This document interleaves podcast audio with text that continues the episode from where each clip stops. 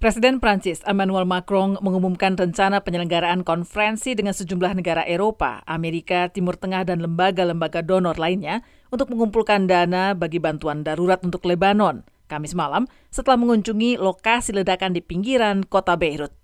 Sedikitnya 130 orang tewas, ribuan lainnya luka-luka, dan puluhan ribu kehilangan tempat tinggal akibat ledakan dahsyat itu. Nous serons là dans la durée aux côtés de toutes celles et ceux qui sauvent, aident, guérissent kami akan berdiri bersama-sama dengan semua pihak yang ada di sini untuk menyelamatkan dan merawat warga dan membangun kembali kota ini.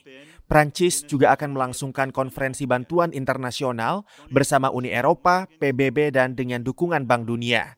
Dalam beberapa hari ke depan, kita akan melangsungkan pertemuan. Sementara Menteri Urusan Luar Negeri dan Eropa sudah mulai melakukan kontak pertama dan memobilisasi timnya kami akan melangsungkan konferensi internasional untuk mendukung Beirut dan warga Lebanon dengan memobilisasi bantuan keuangan internasional dari Eropa, Amerika, dan seluruh negara di kawasan untuk perawatan, obat-obatan, dan pangan. Kami juga akan membentuk badan yang terbuka dan transparan bagi semua bentuk bantuan ini, sehingga baik warga Perancis maupun lainnya dapat secara langsung menyalurkan bantuan mereka. Ledakan itu diyakini disebabkan oleh kebakaran di gudang penyimpanan 2.750 ton amonium nitrat yang sangat mudah meledak yang telah dibiarkan berada di gudang itu selama bertahun-tahun meskipun petugas bea cukai sudah berulang kali mengingatkan hal itu.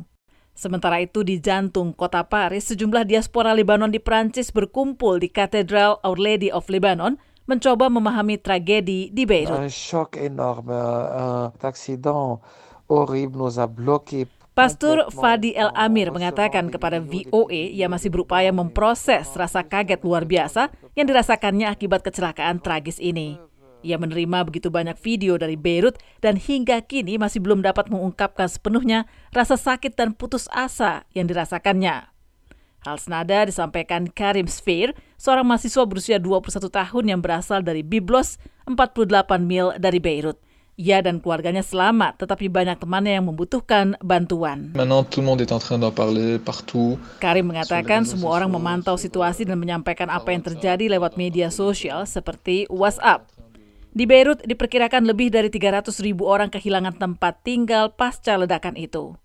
Sementara di Paris, warga diaspora bergegas membantu dengan mengirimkan uang dan mengelola sumbangan bagi mereka yang membutuhkan. Pejabat-pejabat di Kedutaan Besar Libanon di Paris mengatakan ada sekitar 120 ribu warga Libanon yang saat ini tinggal di Prancis. Saya Masreva, VOA, Washington.